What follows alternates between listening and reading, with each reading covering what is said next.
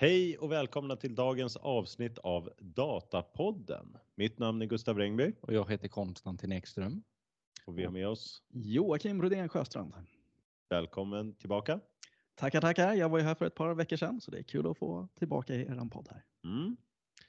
Eh, väldigt trevligt och vi är lite sena idag, eh, eller den här veckan, så eh, vi kommer någon dag för sent på grund av lite förkylningar och sådär.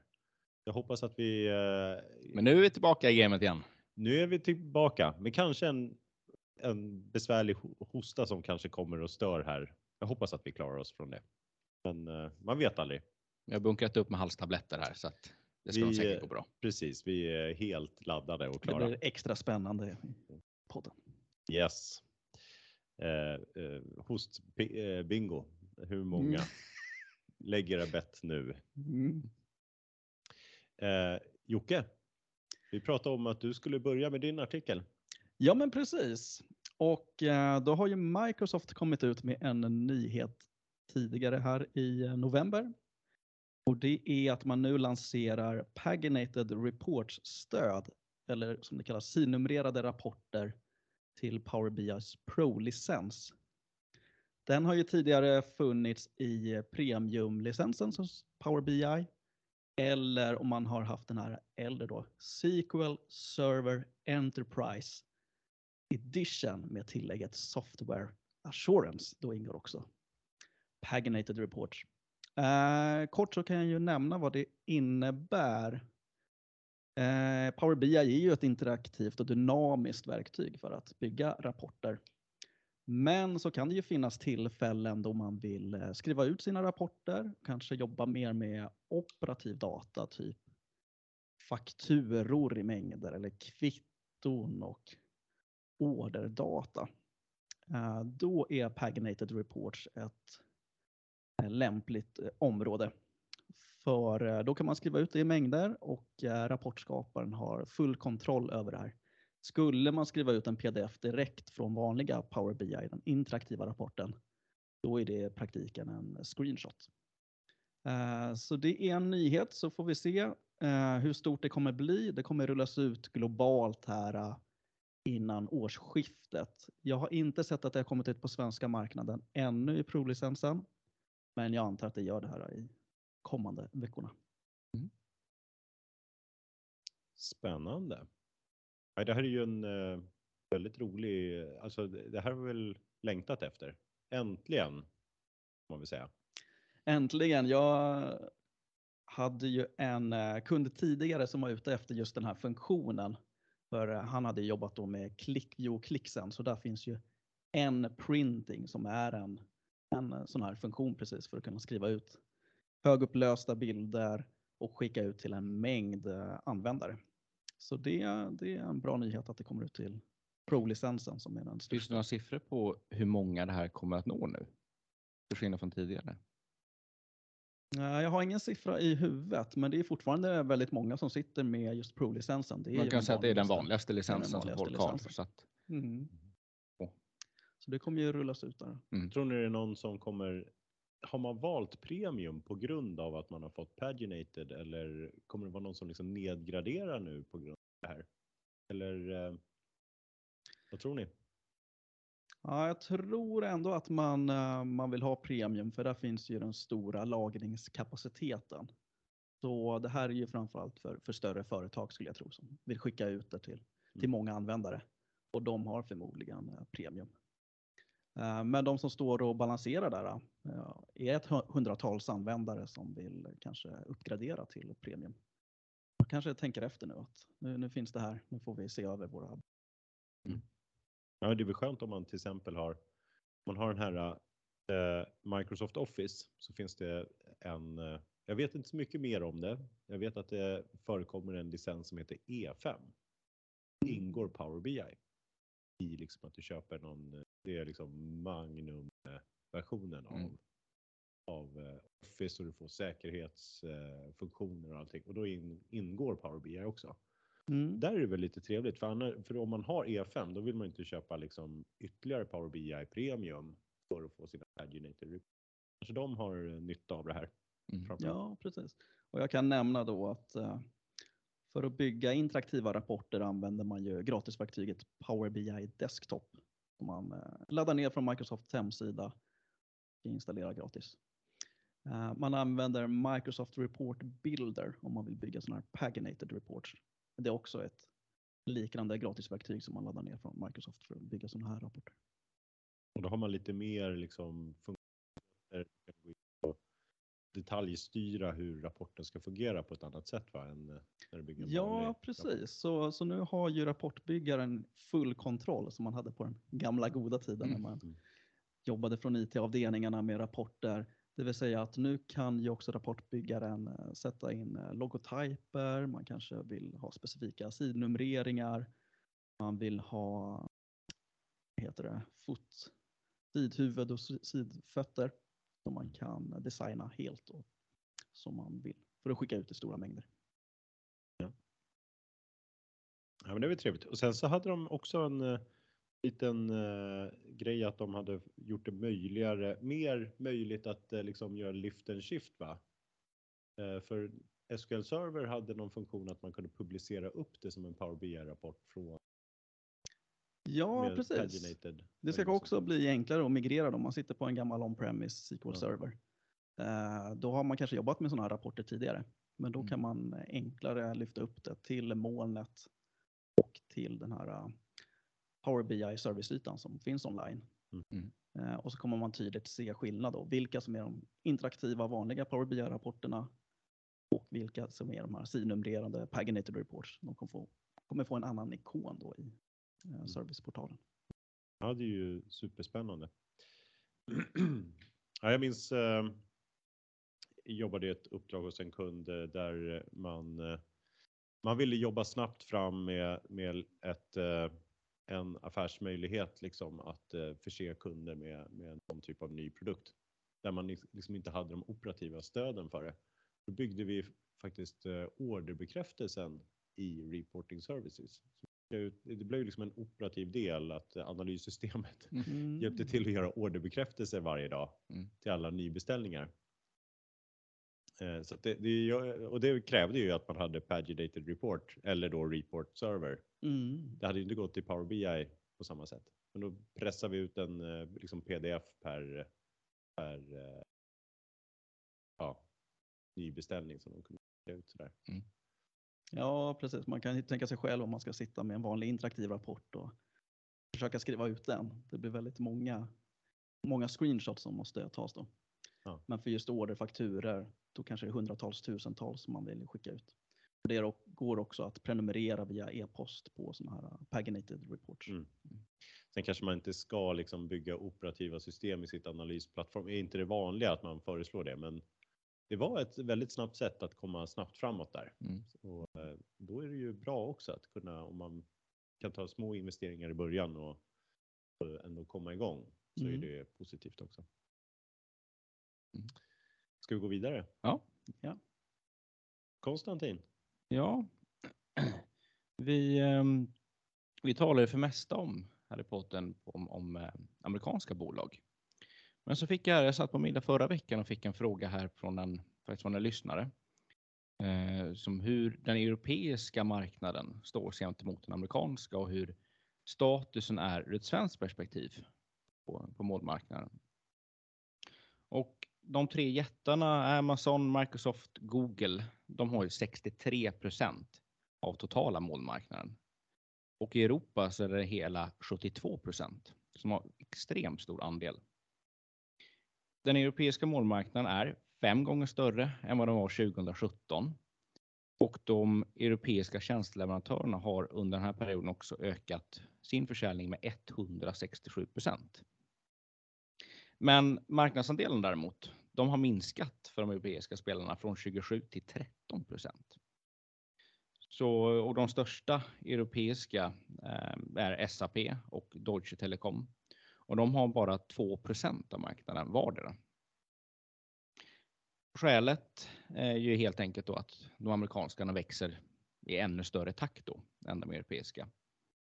Och globalt förväntas en fortsatt årlig tillväxt på 27 som jag nämnt om tidigare eh, poddavsnitt här.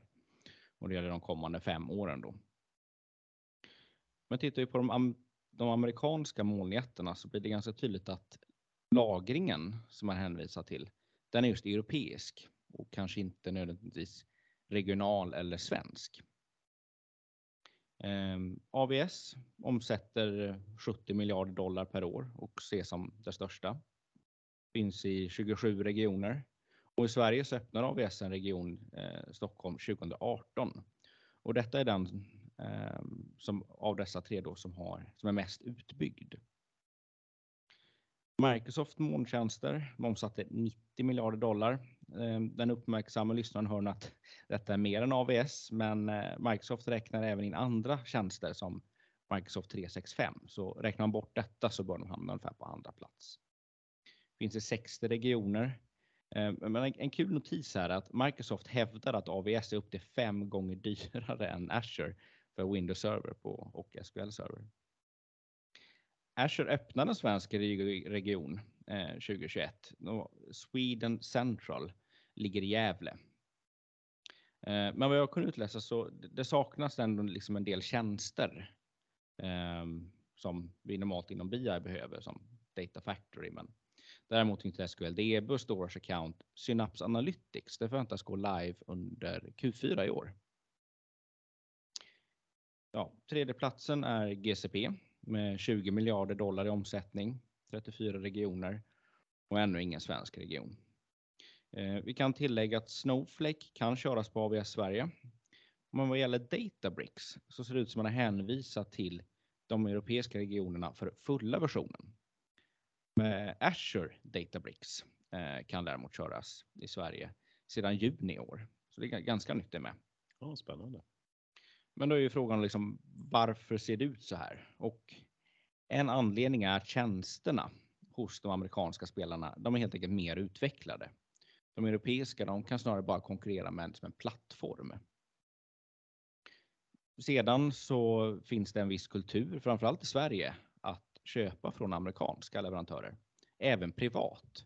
Och det kan man tänka sig göra att steget till att börja använda molntjänster också inte blir lika främmande eller lika stort. Ehm, men strävan efter en digital suveränitet, det kan däremot gynna europeiska leverantörer. Så är det då här som de har en chans. Ehm, vi har tidigare talat också om pågående diskussioner huruvida staten kan, amerikanska staten kan hämta ut information som ligger lagrad hos amerikanska molnleverantörer oavsett var datat sparas. Och det gör ju då att det inte blir någon skillnad på svensk, regional eller europeisk lagring. Ehm, så att inte behöva dela upp datan, eh, lagringen på samma sätt gör att skalningen fungerar så otroligt mycket bättre. Och de amerikanska jättarna de investerar ju också miljarder euro i CAPEX-program varje kvartal. Ehm, vilket är en investeringstakt som, som gör att eh, vi får en väldigt hög tröskel för nya utmanare. Men det är just de regionala behoven som gör att europeiska och regionala spelare kan komma in i bilden. Europeiska molnleverantörer har ju ofta, de har ofta etablerat sig i positionen för att serva lokala kundgrupper som har specifika lokala behov. Eh, Clora är ett exempel på bolag. Eh, och eh, de har då arbetat med vertikaler som har särskilt tuffa krav på regelefterlevnad. Som hälso och sjukvård, bank och finans och, och myndigheter. Då. Ehm, och så länge det inte finns något lagstadgat utarbetat gentemot USA så finns det fortfarande liksom ett, ett rum att fylla här. Och försök har gjorts att få till en lagändring i ja, 20 års tid eller om inte ännu längre. Ehm, ja, men det är tidigare talat om Safe Harbor, Private Shield, Privacy Shield och Privacy Shield 2.0 som nu ligger på bordet. Ehm, så om ett avtal mellan Europa skulle kunna komma på plats så är det tänkbart att europeiska spelare skulle kunna få det svårare. Men ehm, i en artikel med Kloras vd eh, Johan Kristensson så menar han att inte ens Privacy Shield 2.0 kommer vara en slutlig lösning. För han menar att för det här ska lösas så måste USA ändra Eh, i övervakningslagarna i Foreign Intelligence Surveillance Act, förkortad FISA. Ja. Ehm, om, om inte så får Europa helt enkelt ta bort rätten till privacy. och det kommer att inte göra eftersom det är en humanitär rättighet. Så ehm, Ja, Ja. Intressant, eh, intressant artikel. Det var ju två lite grann som du slog ihop här lite grann. mm, Jag tycker eh, den här artikeln som eh, visar liksom, de här, jämför de här molnen. mm, Den jämför de bara på den här liksom, nivån infrastructure as a service. mm, För egentligen vad vi rör oss inom är ju egentligen bara PAS-tjänsterna. Det är ju där som vi liksom har, eh, när man bygger en analysplattform så behöver man de här PAS-tjänsterna mm, eh, snarare än, eh, än infrastructure. För det är ju bara ett datacenter. precis. Eh, och, eh, och, och den jämförelsen blir inte riktigt, nu då blir det egentligen bara en jämförelse mellan eh, hur mycket oms finns det i omsättning. Man nämner lite grann det här med Windows Server, men Mm. det är ju också eh, bara exempel på infrastructure as a service-tjänst, eller liksom licenser då som du lägger på, eh, ja, på dina eh, infrastructure as a service eh, virtuella maskiner. Mm. Och det är det som den de är europeiska motsvarigheterna saknar. Liksom. Ja, eller de kan ju bara sätta upp datacenter Mm. egentligen, för det är det enda som, eh, som finns. Och det är ju där den eh, jättestora liksom, datainnovationen eller det stora affärsvärdet Mm. finns. Det ligger, man ligger verkligen långt efter. Ja, säga. Eh, det, jag tror, jag tycker väl lite grann han som har, den här artikeln här, han, det ligger i hans intresse att säga att det kommer aldrig vara så att USA kan eh, nej men alltså leverera den här det, typen av tjänster. de har ju den typen av Det är, Det är, liksom, det, är det som är själva bolaget, Ja. liksom, deras överlevnad. Så Ja. att det blir inte så konstigt. Vi hade ju en artikel där, eh, där vi kommer få svar om de kan få igenom, för de gjorde ju en uppdatering här eh, och det kommer ju ta ett halvår för, dem, eh, för att vi ska få klarhet i om, om det räcker. Mm. För att det de slog ner på i Schrems 2 var ju att det var inte en tillräcklig oberoende, alltså det är ju så att eh, privacy, eh, man går ju med på att okej visst, det finns eh, omständigheter då kanske privacyn kan brytas. Mm. Det är inte ett helt så här äh, svartvitt att det aldrig får ske. Nej. Men däremot så var det väl att det eh, var vad Shem 2 sa var, är väl det här med att eh, nu, jag är ingen expert på det här, men det, det var den senaste artikeln vi läste Mm. så sa de att eh, ja, men den, eh, det var en eh, o, inte oberoende eh, den här eh, om du skulle ansöka om att det här har begåtts fel Mm. så var inte den oberoende utan den var typ under amerikanska regeringen. Eller något Ja, sånt just det. där. Och det var det som var problemet. Mm. Jag tror de har gjort ändå en ändring nu. Mm. Så de försöker ju ändå Mm. att eh, påverka det här. Jag, jag tänkte på en sak med det här. Eh, en intressant sak. Vi, nu tre bolag tog man upp här, men det Mm. finns väl några till också. Alibaba tog man upp och Salesforce brukar också tas upp som en Ja, stor. Oracle också. Och Oracle också. Mm. Och då är det väl några till amerikanska, en kinesisk. Ja, precis. Jag tror det var topp top tre efter, alltså topp sex ungefär var amerikanska. Mm. Um, för kinesiska marknaden, den är inte så jättestor. Ehm, Nej, inte eh, på den europeiska eller västerländska nej, marknaden. precis. Jag kan tänka mig att den är gigantisk på just den asiatiska och kinesiska marknaden. Jag tror också det är viktigt att förstå var de här eh, amerikanska företagen kommer ifrån. Vi har Mm. ju Microsoft och Amazon som var gigantiska på 90-talet och de byggde ju upp sina datacenter för internt bruk. Mm. De var ju tvungna att ha otroligt mycket data, just Amazon, då, hela retailbranschen. Så de såg ju att här har vi överkapacitet som vi kan sälja och skapa ett helt nytt affärsområde. Och eh, Microsoft var ju snabba på bollen med att gå från lokal serverlagring till, eh, till online och molntjänster. Då. Eh, Så de har ju otroliga skalfördelar, de här amerikanska jättarna med, med, Mm. med det i bakhuvudet.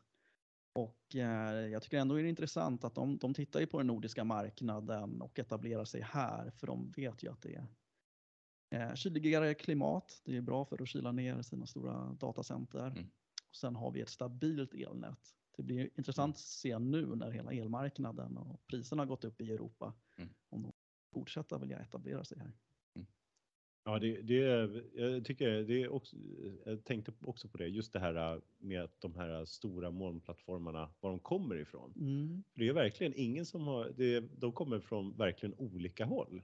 Du Mm. har eh, Microsoft som är mjukvarulösning från början, Google som var en sökalgoritm och så har du Amazon som är liksom Bokhandel. handel. Ja, bokhandel. Till och med. Det är så himla liksom, olika saker som har gett sig in i det här området. Men Mm. det är väl som du säger, den har vuxit fram som en, eh, som en bieffekt i, egentligen av att man har mycket datacenter. Ja, precis. Och det kan ju bli intressant. Jag skulle inte bli helt förvånad över att Netflix har överkapacitet. De måste ju lagra otroligt mycket data. Ja. Om de även går in här i branschen. Men, Mm. men nu Mm. har ju konkurrensen hårdnat här på senare tid. Mm. Mm.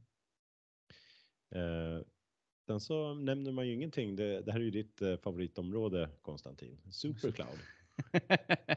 Det kanske är en möjlighet för europeiska eh, att ge sig in i matchen lite grann. mm. när man, om man kan få supercloud-tjänster att ligga eh, ovanpå deras datacenter. Men det stod i någon artikel att de ibland gör liksom samarbeten eller något så här som man. De blir leverantörer åt de här stora Mm. något sätt också. Det skulle ju vara en möjlighet även för supercloud-tjänster att, eh, för just nu så sitter de ju lite fast i kanske tre stora cloud. Mm. Det skulle ju kunna göra så att de kan också liksom konkurrensutsätta dem lite grann. Så att, inte, så att de inte sitter i ett eh, eh, oligopol Mm. situation. säga. Det, Mm. det kan ju vara en spännande utveckling här. Det skulle ju vara Ja, jättespännande. det att verkligen. se. Och, och roligt om, eh, om det kommer något eh, europeiskt bolag också. Men annars tycker jag eh, det, de här artiklarna utgår från lite grann att det måste finnas en europeisk part. Eh, Det måste bli en, eller det saknas en. Ja, Men eh, jag tycker väl om det, eh, det kanske är bättre att, att göra någonting nytt i sådana fall, som där det finns ett eh, större affärsnytta och, och eh, skapa ett nytt bolag så att säga. Ja, jag tror Eller? att det, det kommer vara regleringar och lagar som kommer styra ifall det finns då nischade spelare på den europeiska, men jag tror mer på den allra lokala marknaden kanske. Svenska aktörer som Telia och Cygate, de ger sig in på, Ja. på, på nischade områden Mm. kring säkerhet där eh, svenska eller europeiska lagar Mm. gäller. Mm. För det har ju varit en rädsla och en debatt under flera år här att man inte vill lägga data med hänsyn till GDPR i amerikanska moln. För då är risken stor att datan kommer ligga i USA. Men är det här liksom en hållsiktig affärsidé? Jag tänker bara liksom. Man gör, man gör liksom något samma som någon annan. Bara för att det är något legala skillnader. Inte för att man ska ha en bättre produkt. För det är ju inte så att någon har kommenterat att de amerikanska skulle ha liksom. Det saknas kvalitet på tjänsterna. Det är ju jättebra tjänster liksom. Men Nej, är det, väl, det eh, handlar bara om det liksom lokala, nej, det legala. Vi se. Det är allt, eh, allt handlar det om eh, den legala frågan då, Shrem-delen här. Mm. Kommer den, annars så blir det, då måste man ju hitta i alla fall ett nytt skäl till att finnas som, som tjänst. En europeisk ägd datacenter så att säga. Mm. Det kommer ju vara otroligt svårt för en europeisk aktör att priskonkurrera mot amerikanska jättarna. Ja. Jag ser väl i sådana fall att kanske Kina blir ännu större om restriktiva lagar lättas upp framöver. Då har Mm. de också en eh, ny marknad att spela på. Mm. Ja, men, det, men det är väl med alla de här bolagen har de råkat hamna i det här. Det är lite sådär eh, lite tur och skicklighet. Mm. Men, men det var de som konstaterade SAP är liksom våran stora IT-bolag. Om man jämför, det är det bolaget inom Europa eller som finns inom Europa som Mhm. är ett stort IT-bolag i förhållande till de här eh, alla som finns i USA. Men eh, den kanske har kraften, men eh, ja, det är ju. Det är väldigt spännande tider i omvärlden eftersom det är oroligt i Europa. Så det kan ju absolut vara så att eh, myndigheter är ännu mer intresserade nu att just gå på lokala aktörer och lokala molntjänster än de amerikanska och globala och Mm. stora. Det Men det måste se. bli mycket att man måste arbeta liksom mer med open source produkter och sådär. om man väljer att ha en eh, liksom, lokal datacenter. Liksom. Du har ju bara själva infrastrukturen, men du behöver ha tjänsten också. Då kanske det blir mer så här MySQL, MariaDB och, och sådana produkter som man använder. Ja, precis. Det vet vi ju ändå. I våran bransch är det ju det, är inte, det brukar vara mycket att man bygger på open source, men det brukar alltid vara en paketering i alla fall som är Mm. lite längre än open source. Mm. Eh, Vi får väl se. Det blir ju jättespännande att att se hur eh, Shrem utvecklar och då vad som kommer hända. Mm. Det är ju spännande. Mm. Mm. Mer konkurrens tror jag är bra i alla fall, för då, det betyder bra eh, för oss. Vi vill ju jobba på de bästa lösningarna så att det går snabbt att skapa affärsvärde får man säga. Mm. Eh, Ska vi gå vidare? Det gör vi. Yes. Då, har vi, då är det Moa som ska presentera en artikel. Och det här är från Snowflakes blogg 7 november. Eh, rubriken är Snowpark for Python, Large Scale Feature Engineering, Machine Learning Model Training and more. Och nyheten här som man har gjort det här blogginlägget då eh, på Snowflakes egna blogg, det är att Snowpark for Python är nu i general availability. Jag tror att vi kanske nämnde den när den eh, började hamna i public preview här Ja. i våras. Kan vi ha gjort. Mm. Eh, och eh, eh, Snowpark är ju alltså det här eh, verktyget inom eh, Snowflake-produkten där man kan eh, använda för att eh, ett ställe att eh, skriva olika typer av eh, kod som kan eh, jobba mot eh, databasen och så vidare. Python, Java eller Scala på ett enhetligt sätt. Din data. Eh, det är vad Snowpark är. Så det är en komponent inom Snowflake-världen. Då. Och vad, vad innebär det här då? Jo, det innebär att man eh, kan köra Python-kod enkelt inom Snowflake eh, med massa inbyggda eh, Python-paket.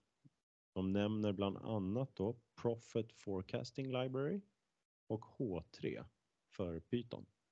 Profit De är- har vi ju pratat om. H3. H3 har vi pratat Mm. om. Och Profit är alltså, det är eh, en, eh, ett eh, library framtaget av Facebook för, eh, för forecasting då. Och eh, H3 är ju den här eh, spatiala analysverktyget eller paketet då som man kan jobba ut efter. Ja, och, men vad innebär det här då? Ja, det är att man ska kunna bygga skalbara och säkra data pipelines och ML-flöden inom Snowflake. Det är, det är liksom nyheten då. Eh, och eh, mot att man kanske förut var mer tvungen att utnyttja tredjepartsprodukter. Du skulle skriva Python-kod då kring, din, kring ditt data tidigare. Eh, Samtidigt som man eh, släpper den här general availability så har man ett ytterligare del som man släpper samtidigt i public preview. Någonting de kallar för Snowpark Optimized Warehouses. Och det här är alltså att man eh, kompletterar det här med en ny typ av beräkningskapacitet kan man säga med 16 gånger så mycket minne och 10 gånger så stor cache. Och det här är ju för att möjliggöra då machine learning på stora datamängder också. Att eh, de tänker om också i, de har ju de här eh, warehouse sizes eh, som finns. Eh, där man sätter upp en beräkningsmiljö för hur man vill jobba mot sin data. Och då har de väl tänkt om nu här för att okej, sysslar vi med avancerad analys så har vi lite olika behov mot om vi jobbar med vanlig data prep av något slag. Då. Ja, de ger ett exempel på hur det här kan eh, gå till nu då och där de visar att man ska kunna prepara och transforma. Då använder man kanske en vanlig beräkningskapacitet inom Snowflake. Men sen när man gör sin träning av en modell eh, och när man ska utnyttja sin modell så använder man den här nya då eh, för att få bästa eh, prestanda då och jobba snabbt då. Eh, och så ska man kunna få ut predictions. Allting inom då att du har jobbat i Snowflake. Eftersom det här har legat i eh, private preview också så har ju de har lite kundcase redan på gång nu då. Bland annat så tar de upp ett par exempel då här i, i, i artikeln. Eh, ett bolag som heter Sophos, ett cybersäkerhetsföretag, har nyttjat Snowpark, eh, Snowpark för att göra sina data scientists kan arbeta med både SQL och Python. Så det har varit ett viktigt mål för dem. Eh, och att de har liksom sluppit då, en stor värde då har varit att de sluppit flytta data fram och tillbaka. Det är väl det som har varit den stora nyttan då. De har ett exempel här också på en anonym bank, fast den är på Fortune 500 i alla fall, säger de. Som har flyttat då in i Snowflake från Hadoop, en Hadoop-lösning. Och eh, för att de har behövt, eh, för att kunna göra den här flytten då så har de behövt kunna göra, utnyttja eh, XG Boost med Anaconda. Det är ju en sån här eh, eh en gradient boost algoritm med en eh, maskininlärningsalgoritm då, eh, som de ska kunna köra och de, de i och med att den här Snowpark och Python så har de kunnat utnyttja det här då och kunde bygga eh, modeller på 300 miljoner rader på några minuter, vilket de mm. tyckte var väldigt, var, var väl nöjda med då. då. Eh, så det var nyttan som de såg då. Och utan att flytta data fram och tillbaka. Tar de och tillägger då. Mm. Eh, de har också exemplet på NerdWallet eh, som är en typ av sån här personlig finanswebbsajt eh, som ger råd om hur man ska eh, hantera sin eh, ekonomi. Och de har utnyttjat då den här Snowpark tillsammans med Airflow och tillsammans har de kunnat eh, då bygga ge möjlighet då för analysteamet att sätta upp och definiera och publicera och uppdatera så här domänspecifik data direkt i Snowflake. Pratar man om då. Det är väl någon typ av eh, Eh, konfiguration av eh, för att få till bra analysmätetal kan jag misstänka här. Det är lite tekniskt beskrivet. Eh, och de har ett annat exempel här på Anvil Logic. Ett, som har någon typ av säkerhetstjänster Eh, och deras säkerhetstjänster innebär rent tekniskt att de behöver ha möjlighet då att leta efter attacker genom, de utnyttjar textklassificering som en del av det. Och då har de eh, kunnat utnyttja Snowpark både på att preppa sina, eh, de här textdatat eh, och eh, även sen kunna nyttja en framtagen deep learning modell då via Snowpark och Python då och kunna köra den på det här datat. Då. Eh, och eh, ja, så, det är ju flera exempel här på då hur folk har kunnat utnyttja den här nya möjligheten då med bravur mm. får man väl säga. Utöver då, då så säger de utöver de här kundcasen så har den här funktionerna i Snowpark har också kunnat göra så att man ska, det har skapats nya funktioner som eh, Snowflakes partner har kunnat utnyttja också och skapa nya eh, bättre funktionaliteter också. Som tar upp att Data IQ har utnyttjat det för att eh, förbättra sin ML-ops-process. Det kanske är eh, en av de tredjepartsprodukter som man skulle kunna utnyttja istället för om man skulle använda Snowpark här. Mm. Så skulle man använda, den är ju en av deras eh, populäraste tror jag, tredjepartsprodukter för att bygga MLOps och mm. machine learning. Eh, så att säga. Eh, de tar också upp DBT här som har eh, utnyttjat de här nya funktionaliteterna för att kunna inkorporera Python-kod in i DBT-ramverket. Mm. Det låter ju mm. spännande, det vill man ju nästan se mer om vad, vad de gör. Mm. Och sen så tar de upp också Hex som möjliggör eh, som eh, har ett system som gör det möjligt att jobba med eh, notebooks och, utan att man ska vara eh, bunden till ett visst språk. Då. Eh, Så tre, tre partners tas upp här också då, som har kunnat utnyttja de här tjänsterna. Det var egentligen innehållet. Någonstans här så får man väl säga att eh, det här fyller väl igen en, eh, en svag punkt hos Snowflake lite grann. Alltså att de har saknat just det här avancerade analysstödet. Det här är väl verkligen att de har kunnat få till det här med Python, just att kunna stödja att man kan skriva Python också på ett enkelt sätt. Mm. Eh, och eh, en svag punkt om man jämför då Snowflake mot de här konkurrenterna, till exempel Databricks, där de har varit väldigt starka på avancerad analys får man väl säga. Mm. Eh, Så det här är ju verkligen ett eh, spännande steg. Mm. Det är verkligen en positiv grej att inte behöva flytta datat. Mm. Man har ju ofta väldigt stora datamängder när man arbetar med ML och, och avancerad analys och där. Mm. Så att det är liksom en kostsam tid och, eh, och sådär. Flytta allting. Mm. Ja, det är ju Och Python är ju ett av de allra populäraste språken på senare år just för avancerad analys. Mm. Så uh, det är en stor, stor nyhet och fördel för alla data scientists.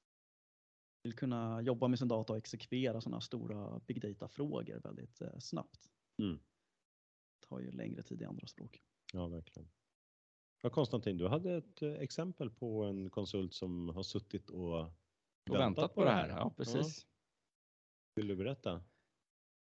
Ja, det var någonting han skulle göra med att skicka så här, lite alerts till Teams. Ehm, men just den delen var inte med i den första, Mm. utan den, det var något som kommer lite senare då. Vi får vänta lite till, men vi, vi har en konsult som har suttit och väntat på att den här ska bli general availability eh, nu här. Precis. Ja, Jag tyckte också det var en rolig sak. Vi nämnde här eh, att man liksom eh, täpper till ett hål mot, eh, mot konkurrenter här och Databricks framför allt. Jag, jag tyckte också, jag reagerar på det här med H3 Mm. att det är lite roligt här för vi pratade ju om det att eh, Databricks införde H3-stöd på Databricks. Och att det är kul här att, eh, att vi har hittat någonting, äntligen hittat någonting som Databricks och Snowflake har enats kring. Mm. Men är det inte lite så här hela tiden att den ena gör någonting, den andra tar efter, den andra gör någonting. Alltså, att det är liksom den här tävlan av att liksom hela tiden Ja. det, det blir, går mot, mot samma, eh, samma system. ja. ja, precis. Ja, Men, det, men eh, annars har de ju valt eh, under där så har de ju valt två olika liksom för data lake lösningar och så där, Ja, så ju gått, teknikmässigt där var det verkligen har man ju liksom gått helt isär och satsat på två olika filformat och så vidare. Mm. Men här har man ju åtminstone då valt. För Snowflake har ju satsat hårt på Iceberg precis. och så har du eh, Databricks som kör Delta Mm. Tables. Eh, Så att, ja, men det, det finns en eh, H3, där möts de i alla fall. Mm. Det, är ändå, det tycker jag ändå är skönt att höra att det är någonting som man kan vara enad, enade om. Kan ni kort beskriva H3 för våra lyssnare som inte Ja, tidigare alltså det avsnitt? är ju, det, det får ni eh, lyssna tillbaka på eh, tidigare avsnitt, men det är alltså en, en, ett eh, verktyg för att göra spatiala analyser där man Mm. delar upp hela världen i en massa eh, rutor. Ja, Sex- Sextanglar eller vad Ja. säger man? Sexkantiga rutor eller vad, vad man säger. Eller romber? Nej, det är inte det. Hexa- Hektago, he, Hex- nej, hexagoner. Hexagoner. Mm, hexagoner. Precis. Så heter det. Eh, och sen så då kan man liksom istället för att räkna på en massa polygoner som bara är liksom ett antal då vektorer som man tittar på. Så tar man istället och kan liksom förhålla sig till specifika punkter kan man säga. Så det är väl, eh, det blir kanske lite enklare att göra en hel del olika beräkningar och analysera då om man tittar på det som specifika pixlar. Och sen är det enklare också att aggregera datat för man kan ju lägga de här eh, Ja. blickarna på varandra och Okej. analysera liksom vad inom ett område så kan du analysera något. Vad händer inom detta området? Mm. Spännande. Ja, det var, det var väl ändå en eh, spännande nyhet här. Det är väl superkul. Mm. Eh, Du, du, du, du använder väl en del Snowpark i, eh, i liksom rent praktiskt också? Brukar du köra någonting i Snowpark, Konstantin? Eh, inte jag själv, Nej. men eh, har ju kollegor som använder det. Ja. Daglig basis här och det. Gav jag en bra beskrivning av, av verktyget, tycker du? Ja, men det tycker jag. Ja, men det är bra. Men till skillnad från du nämnde Data IQ. Då, där har Mm. man ju kanske lite mer liksom grafiskt gränssnitt. Här Ja, blir det ju alltså kodmässigt man, an- man arbetar. Mm. Ja, just det. Så att det finns en nivå högre, men då, då måste du ge dig utanför Mm. eh, Snowflakes-plattformen så att säga. Det är nog skönt att kunna komma åt allting i Snowflake om man vill. Ja, verkligen. Eh, är det någonting annat? Ja, jag känner mig väldigt nöjd med det här avsnittet. Jag snubblade förresten över um, en litet eh, inlägg på Reddit. Mhm. Snowflake. R Snowflake. Låt höra. Ehm, jag vet inte hur nytt det var, men jag tolkar som att det var ganska nytt. Då kunde man göra en select stjärna och sen skriva exclude. Så man kunde göra en select stjärna men exkludera just de här två kolumnerna. Så man inte behöver spesa alla kolumner. Det, det finns vissa fall när man liksom hade önskat att man kunde göra det där. Eh, du har liksom 200 kolumner, men det är just bara en du vill ta bort. Det kan vara så bara testa, är det den här det är fel på? Eh, då vill man bara liksom ta bort den här. Mm. Och sen kommer man också eh, välja rename. Så du får en släkt stjärna, men en specifik kund vill du ta en rename. Det kan vara så om det kommer från en källa att du, du har något reserverat ord liksom i eh, kolumnnamnet. Ja, men då kan man lägga till liksom ett litet understreck innan och sådär, så att det inte, inte smäller utan att du behöver skriva ut alla 400 kolumner som kommer därifrån. Var, var det en ny funktion i Snowflake eller var det? Ja, men jag tror att det var det.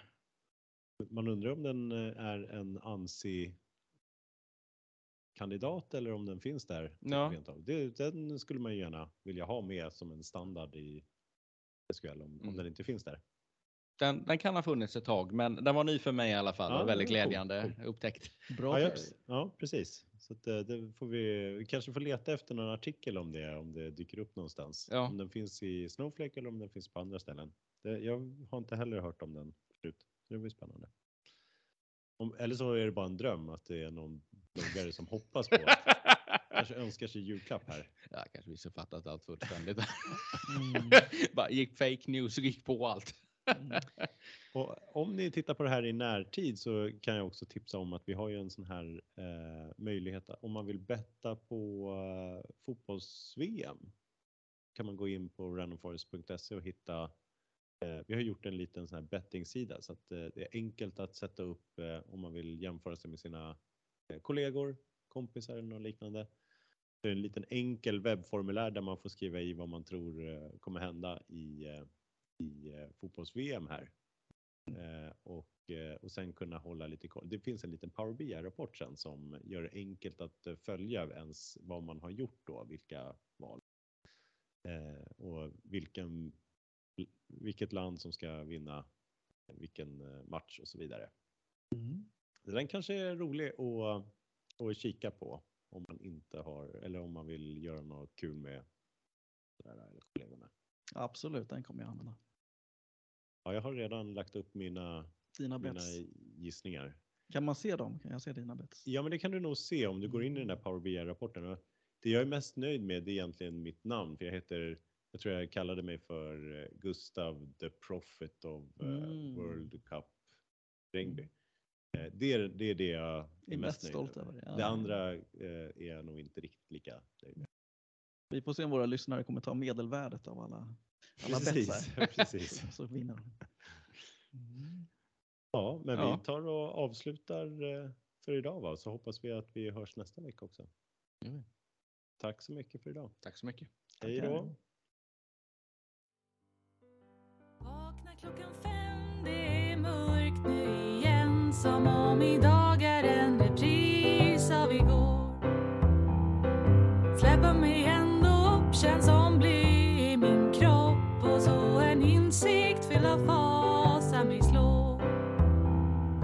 cheese.